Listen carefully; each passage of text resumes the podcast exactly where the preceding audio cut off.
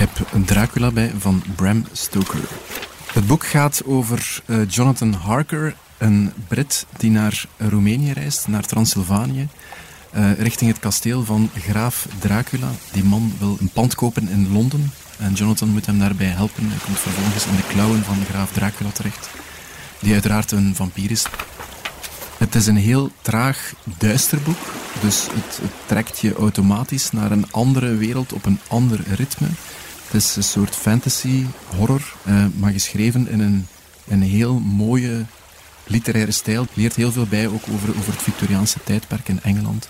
De angsten van mensen toen, hoe die angsten ook werden neergeschreven. Ehm, en wat horror vroeger was en hoe, hoe mooi en hoe voorzichtig dat dan ook neergezet werd. De eerste zin is 3rd of May Bistritz. Left Munich at 8.35 p.m. on 1st of May. Arriving at Vienna early next morning. Should have arrived at 6.46, but train was an hour late.